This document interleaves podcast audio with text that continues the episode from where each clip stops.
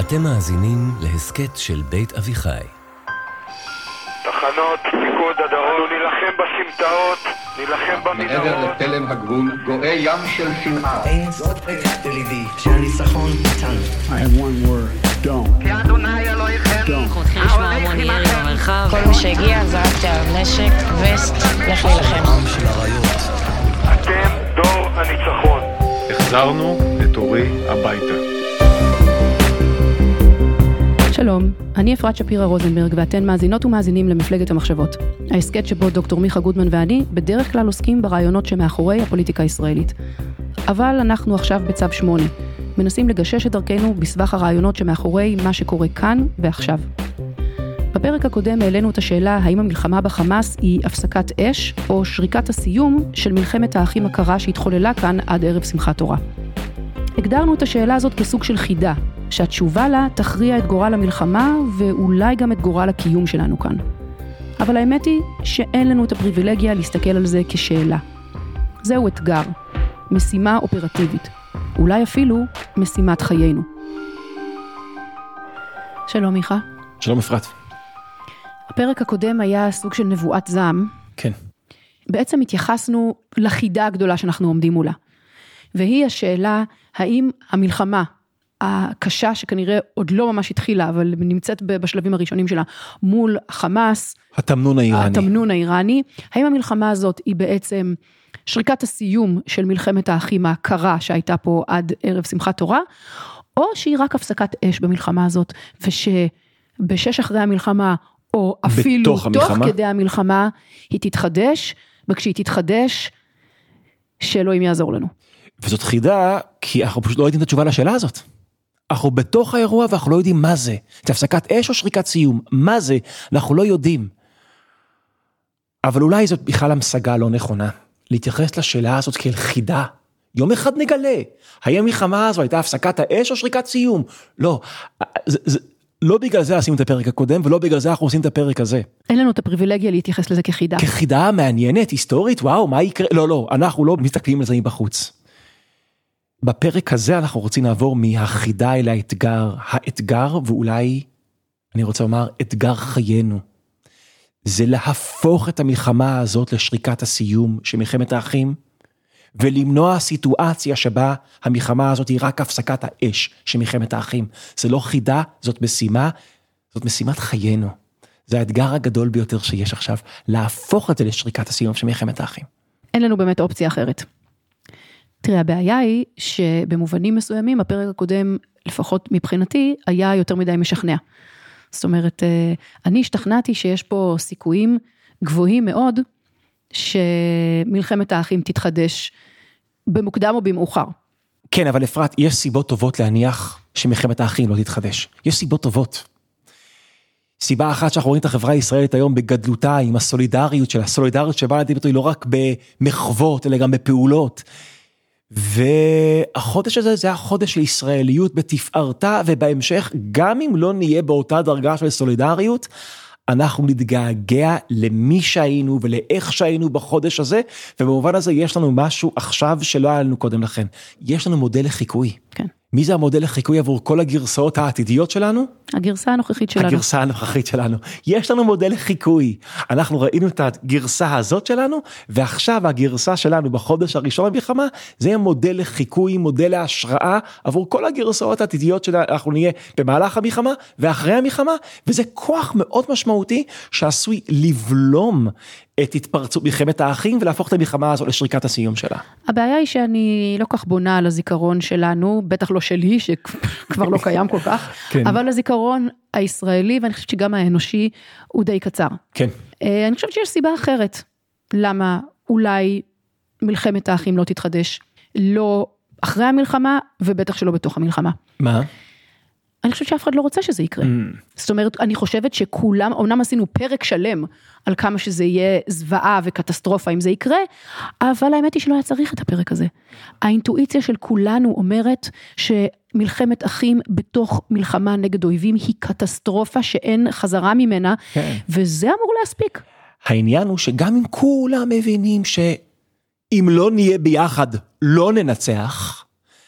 ולכן חייבים להיות ביחד ולמנוע מלחמת אחים, גם כשכל הצדדים לא רוצים מלחמת אחים, זה לא מבטיח שלא תהיה מלחמת אחים. זה אחד מהתופעות המוזרות שיש במלחמה. לפעמים מלחמה פורצת בין שתי צדדים, גם כששני הצדדים לא רוצים שהיא תפרוץ. להבדיל אלף אלפי הבדלות, נחשוב רגע על המצב כרגע בין ישראל לבין חיזבאללה. ואני בכלל לא בטוח שמה שאני אומר עכשיו הוא נכון, אבל זה עדיין משל טוב. חיזבאללה, לפחות נכון לשעת אה, הקלטת הפודקאסט הזה, אה, עושה רושם שחיזבאללה לא מעוניינת במלחמה עם ישראל. אני לא יודע אם זה נכון, אבל ככה זה נראה, שחיזבאללה לא רוצה מלחמה מלאה all in עם ישראל. לפחות בפשט של הדברים. ולפחות הפשט, נכון לשעת הקלטת הפרק הזה, יום אחד ישמעו את הפרק הזה וזה ישמע כמו משפטים מצחיקים, אבל נכון לשעת הקלטת הפרק הזה. מקווה שלא. אה, ישראל לא רוצה מלחמה עם חיזבאללה. לפחות בפשט. עכשיו אם שני ההיגדים האלה נכונים שנכון לשעת הקלטת השורות האלה חיזבאללה לא רוצה מלחמה עם ישראל ישראל לא רוצה מלחמה על מלא עם חיזבאללה אז שני הצדדים לא רוצים מלחמה אז מה הבעיה? האם זה מבטיח שלא תהיה מלחמה? לא. ממש לא. כולנו יודעים שעל אף ששתי הצדדים לכאורה לא רוצים מלחמה, זה עדיין לא מבטיח שלא תהיה מלחמה. בקלות יכולה לפרוץ מלחמה בין שתי צדדים שלא רוצים אותה. אני חושבת שבפרק 71 אתה הגדרת את זה כאנחנו מרחק מיסקלקולציה אחת ממלחמה כוללת עם החיזבאללה וזה לא השתנה. זה לא השתנה. כן, אלו תהליכים של אסקלציה, נכון? אנחנו מכים בהם חזק, הם ככה רוצים להשוות ולהעלות, מכים בנו יותר חזק, אנחנו נקים, וככה אנחנו במעין החרפה כמעט הטרמיניסטית שמוליכה מלחימה למלחמה. והמנוע של התהליך ההחרפה הזה זה מיסקלקולציה. נכון, אה, ישראל משגרת מכה לחיזבאללה שישראל מפרשת, שהחיזבאללה יפרש כמכה שנמצאת מתחת לסף המלחמה. מה יקרה אם חיזבאללה יפרשו את זה כמעל לסף המלחמה? או לחלופין, חיזבאללה מכה את ישראל, מכה שהם מפרשים, שאנחנו נפרש, כמצויה מתחת לסף המלחמה? מה יקרה אם יעשו טעות ויפגעו באיזשהו יעד אסטרטגי? או באזרחים יותר מדי? או סתם, אנחנו פשוט הם נפרש. קראו אותנו לא נכון. אנחנו מרחק מיסקלקולציה אחת ממלחמה עם חיזבאללה. עכשיו להבדיל אלף אלפי הבדלות. המחנות והשבטים הפוליטיים בישראל לא רוצים בינם מלחמה בכלל. אבל העובדה שהם לא רוצים מלחמה, לא אומר שלא תפרוץ מלחמה. אנחנו מרחק מיסקלקולציה אחד או שתיים, מפרוץ מלחמת האחים בתוכנו. ציוץ אחד שיצא בלי להבין את המשמעות שלו. שצד השני מאוד נפגע ממנו, ואז הוא משווה ומעלה, עושה משהו או אומר משהו, שגורר תגובה מהצד השני שהוא לא ציפה לה, כי הוא לא מבין את הרגישויות הפנימיות שיש בשבט השני, וככה יכולים להגיע למצב של מיסקלקולציות שיוצרים החרפה ואסקלציה של המצב, ופתאום כעבור כמה שבועות אנחנו ב... בלי שהרגשנו בלי שהרגשנו, שרצינו. כל השד, השדים, והם שדים של שנאה, כל שדי השנאה הרדומים שהשארנו מאחורינו בשמחת תורה, פורצים לחיים שלנו וקוראים מחדש את חברה הישראלית בפנים. כל זה יכול לקרות, אנחנו מרחק מיסקלקולציה אחת, ובפרק הקודם תיארנו צמתים שונים, רגעים שונים, חמישה כאלה מיפינו, ובטח יש עוד, רק מיפינו חמישה, שיאפשר לכל השדים האלה לפרוץ, אנחנו מרחק מיסקלקולציה אחת, זאת אומרת, אפרת לשאלתך, העובדה ששני הצדדים לא רוצים מלחמה, זה, זה לא ערובה לכך שלא תפרוץ מחדש מלחמת האחים, כשאנחנו באמצע המלחמה עם האויבים. אני אגיד לך למה זה כל כך מורכב, בגלל שאני חושבת שהמחלוקות שדיברנו עליהן בפרק הקודם, הן מחלוקות משמעותיות. זאת אומרת, אה, על השבויים, על העתיד של עזה, על הדמות של נתניהו ועל המנהיגות שלו, אלו מחלוקות מאוד מאוד משמעותיות. ואני חושבת שהאופן שבו החברה הישראלית מתמודדת איתם עד, איך אמרת, לשעת הקלטת אה, המילים האלה, היא בדרך באמת אה, נאצלת ומעוררת אה, השראה, אבל... לא לדבר, זה כן, התגובה שלנו, אבל, לא אבל, להתווכח. אבל לא אחת שיכולה להחזיק לאורך זמן. והפתרון הזה של לא לדבר. לא עכשיו, זה לא הזמן.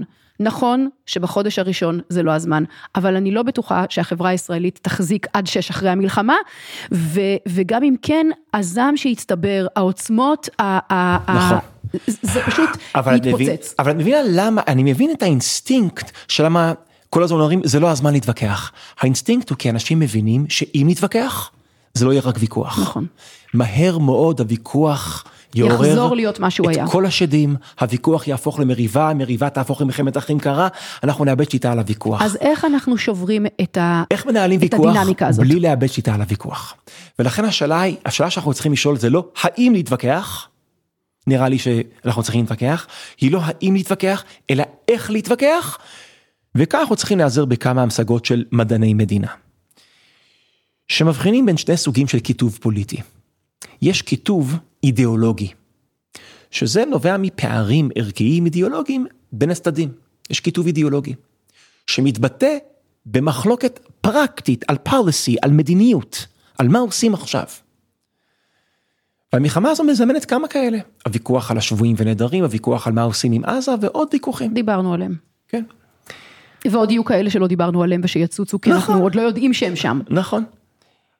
אבל יש עוד סוג של כיתוב וזה כיתוב אמוציונלי, כיתוב רגשי. שזה משהו אחר.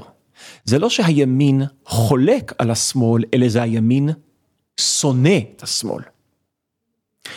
עכשיו, מאז פרוץ המהפכה הדיגיטלית, כמעט בלתי אפשרי להפריד בין כיתוב אידיאולוגי לכיתוב אמוציונלי. יש התלכדות הזירות. התלכדות הזירות בדיוק. כאילו, הדגרנו את זה באחד מהפרקים שעשינו, בו, כל העונה מקוטבים הייתה על זה. כן. שזה דינמיקות כאלה, ברגע שיש מחלוקת אידיאולוגית בין שני הצדדים, מתחילים דינמיקות שבו כל צד מייחס לצד השני כוונות רעות. יותר מזה, כל צד מתחיל להאמין שכל הצד השני מחזיק בעמדות של הגרסה הכי קיצונית של הצד השני. ואלו, מכיוון שאני מתעב את הגרסה הכי קיצונית של הצד השני, של הצד השני אני באופן טבעי מתחיל לתעב את כל הצד השני. דיברנו על, ה, על הנטיות האלה נכון. בתחילת עונה שלוש. עכשיו, אה, בארצות הברית למשל, לפני כמה עשרות שנים, אני מזכיר משהו שכבר דיברנו עליו, זה, זה, זה הדגמה טובה של מה זה כיתוב רגשי, שאלו רפובליקנים, האם יפריע לך אם הבן או הבת שלך או שלך יתחתנו עם מישהו מהצד השני? אחוזים בודדים אמרו שזה יפריע להם שהבת שלהם או הבן שלהם יתחתנו עם מישהו מהצד השני. זה היה לפני עשרות שנים. עשו את זה עוד פעם לאחרונה, והממצאים הם שלמעלה מ-50% מהרפובליקנים ולמעלה מ-50% מהדמוקרטים אמרו שהם לא רוצים שהבן או הבת שלהם יתחתנו עם הצד השני. זה כיתוב רגשי. זה לא, זה לא שאני לא מסכים איתם, אלא אני לא סובל אותם, אני מתעב אותם, אני מייחס להם כוונות רעות, אני מייחס להם דעות הרבה יותר קיצוניות מששיש להם, אני מתחיל להאמין שהם אנשים מסוג אחר לגמרי, הם לא פטריוטים, הם, הם- רוצים להחריב את המדינה, נכון. הם נגדנו. והתופעה הזאת, שבכל כך הרבה קלות כיתוב אידיאולוגי הופך לכיתוב רגשי, שאי הסכמה הופכת לשנאה, זה תהליכים שעוברים על כמעט כל החברות בעולם מאז פרוץ המהפכה הדיגיטלית לחיים שלנו. ועל זה דיברנו לא מעט. את יודעת מה האתגר של החברה הישראלית?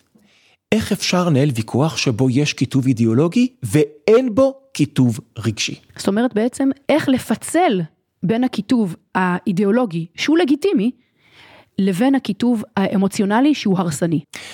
אז את יודעת מה?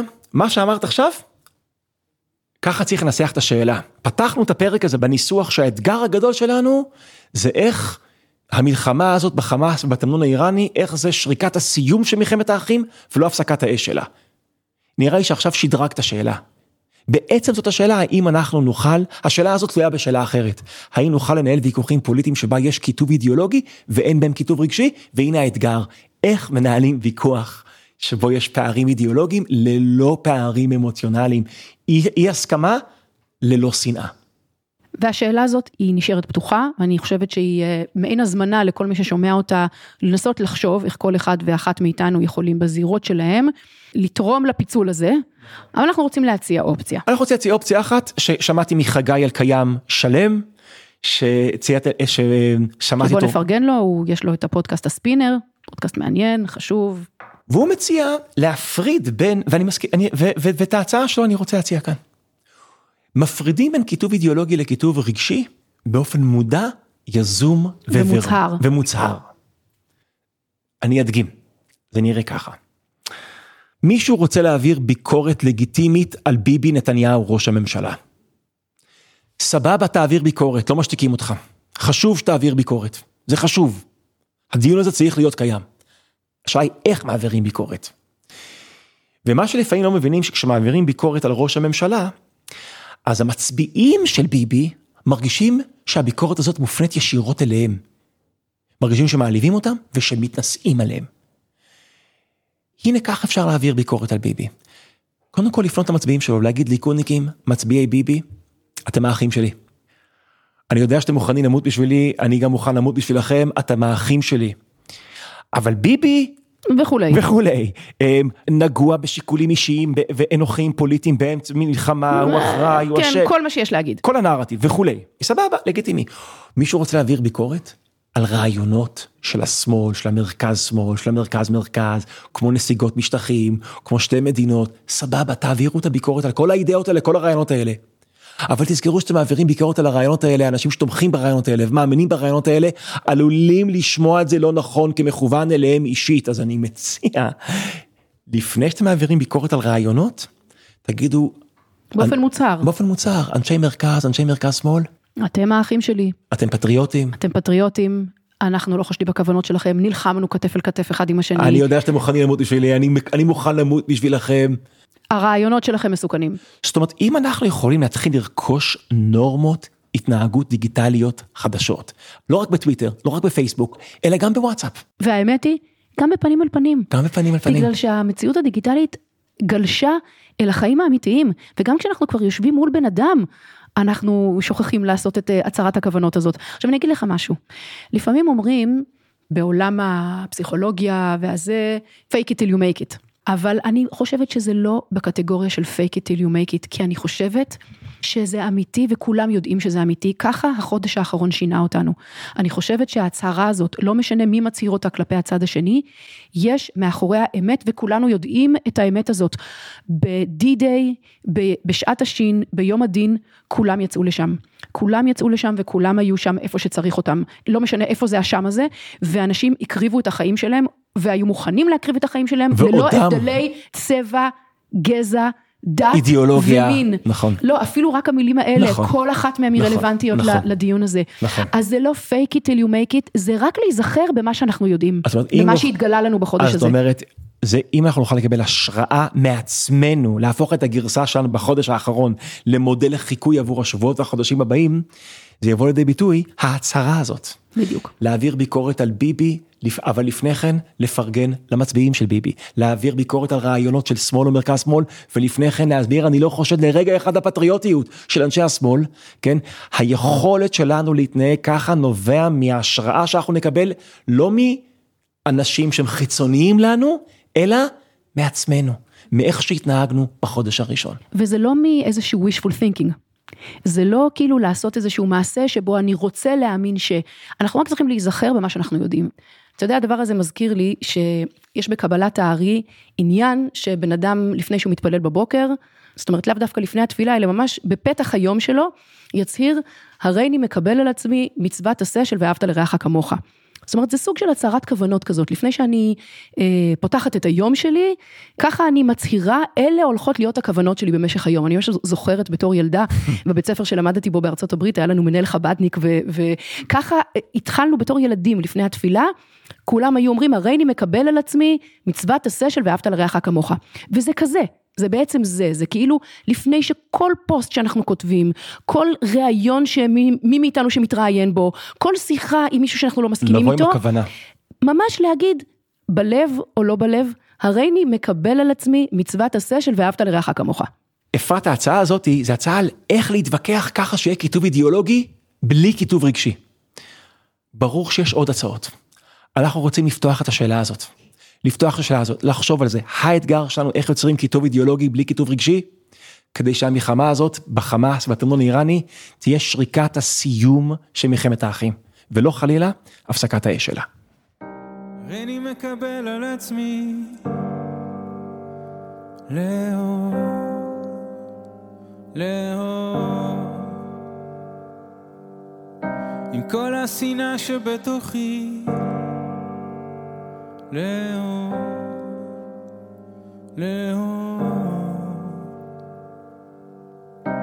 לא כל העולם אשם בבעיות שלי. בהפסדים ובספקות שלי. ואיפה כל המעשים והמידות שלי? הרי אני מקבל על עצמי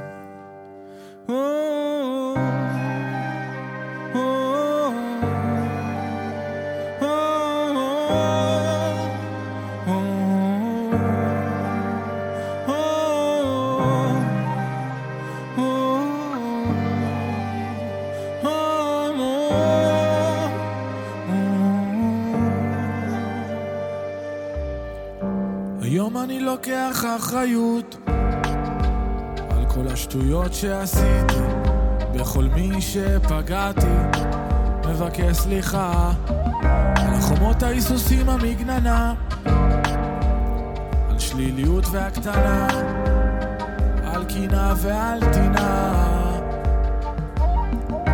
קבל על עצמי להבין שאני פזיז ועצבני, ולקבל את ההשלכות של הטעויות שלי.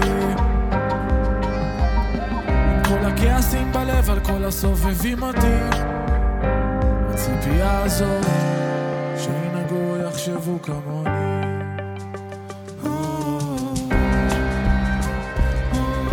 אני אפרת שפירא רוזנברג, וזה היה עוד פרק במפלגת המחשבות. ההמלצה שהעלינו כאן, כדאי גם לנסות ליישם בקבוצת הפייסבוק שלנו, שלצערנו גם בה כבר קשה לאחרונה להפריד בין כיתוב אידיאולוגי לכיתוב רגשי. תודה רבה לניר לייסט ולאור שמיר האורחים, לאייל לויט ולשחר מונטלק על ההפקה, ולניבה גולדברג ולמתן חיים מצוות הדיגיטל. אתם מוזמנות ומוזמנים לאתר בית אביחי, שם תוכלו למצוא עוד פרקים של מפלגת המחשבות, ותכנים רבים נוספים של בית אביחי.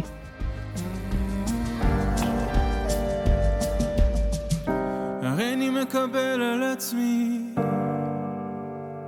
לאהוב אהבה שאינה תלויה בדבר. לחיות בשלום עם מי שאני. וסוף סוף להניח לעבר. מקבל עצמי להניח לזו שאהבתי. לחיות את החיים שלה בשקט ולאחל לה רק טוב. גם לה מגיע לאהוב. גם לה מגיע לאהוב.